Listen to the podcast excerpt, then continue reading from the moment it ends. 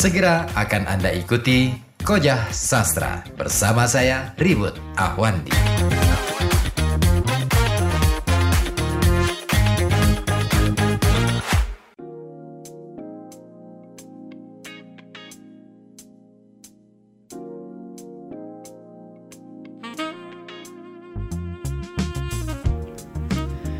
Ya, balik lagi di Koja Sastra bersama saya Ribut Ahwandi dan Anda masih bisa bergabung di 424474 ataupun di 0855424912. Ya, apa itu jurnalisme sastra? Hmm, kita akan ulas ya satu persatu tentunya. Dan bagaimana kemudian uh, ini menjadi apa ya jurnalisme sastra ini menjadi salah satu gaya jurnalisme yang sampai hari ini cukup bertahan dan uh, mungkin masih bisa dikatakan menarik gitu ya. Lebih seksi katanya. Ya dan kawan, tahun 60-an Indonesia waktu itu berarti kata masih terjebak dalam perkulakan politik pasca kemerdekaan. Nah sementara di Amerika Serikat sana sudah ada cara potong pita untuk sebuah jurnalisme gaya baru. Nah bahasa Inggrisnya namanya New Journalism. Nah Nah, gerakan ini dipelopori oleh seorang penulis sekaligus jurnalis asal Amerika Serikat yaitu Thomas Kennerly atau akrab disapa Tom Wolfe. Nah, Bapak yang di Wikipedia terlihat mengenakan jas putih di depan sebuah podium dengan gaya perlente yang karismatik tersebut.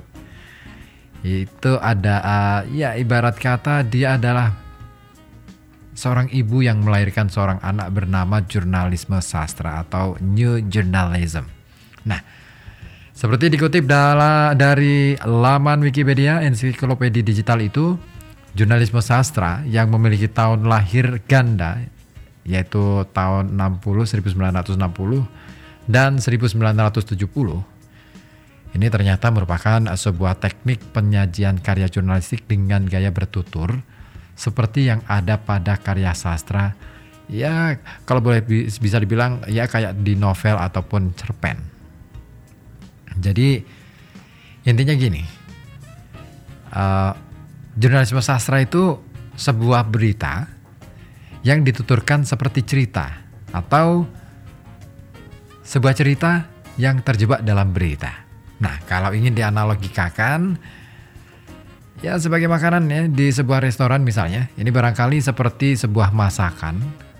Nah, ibarat kata begitu karena jurnalistik itu di, diibaratkan sebagai masakan gitu. Yang disajikan atau menggunakan istilah planting atau penyajian yang menarik dan memakai prinsip estetika atau sastra. Ada seninya di situ. Nah, kenapa itu kemudian menjadi ramai dilakukan dan mendapatkan respon yang positif di publik Amerika Serikat dan juga di Indonesia? Nah, ini ini menjadi pertanyaan menarik dan ya kalau Anda ingin tahu seperti apa jurnalisme sastra, nah, bacalah majalah Tempo misalnya. Dan majalah Tempo ini ternyata kalau kita telusur lagi ya, pendirinya itu orang rata-rata adalah kebanyakan orang Pekalongan loh. Iya. ada Syuk Asa, ada uh, Gunawan Muhammad, itu orang Batang. Terus banyak sekali orang-orang Pekalongan yang uh, kemudian ikut membesarkan, mendirikan dan membesarkan nama Tempo. Tapi sekarang di mana orang-orang ini?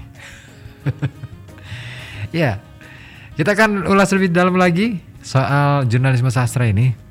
Dan saya ingin, nah saya jadi ingat nih ngomong-ngomong soal ibu, soal apa ya orang yang melahirkan jurnalisme sastra. Saya jadi ingat efek rumah kaca. Biasanya kalau yang namanya ibu pasti punya rahim gitu ya. Dan kita akan coba dengarkan bareng-bareng efek rumah kaca seperti rahim ibu.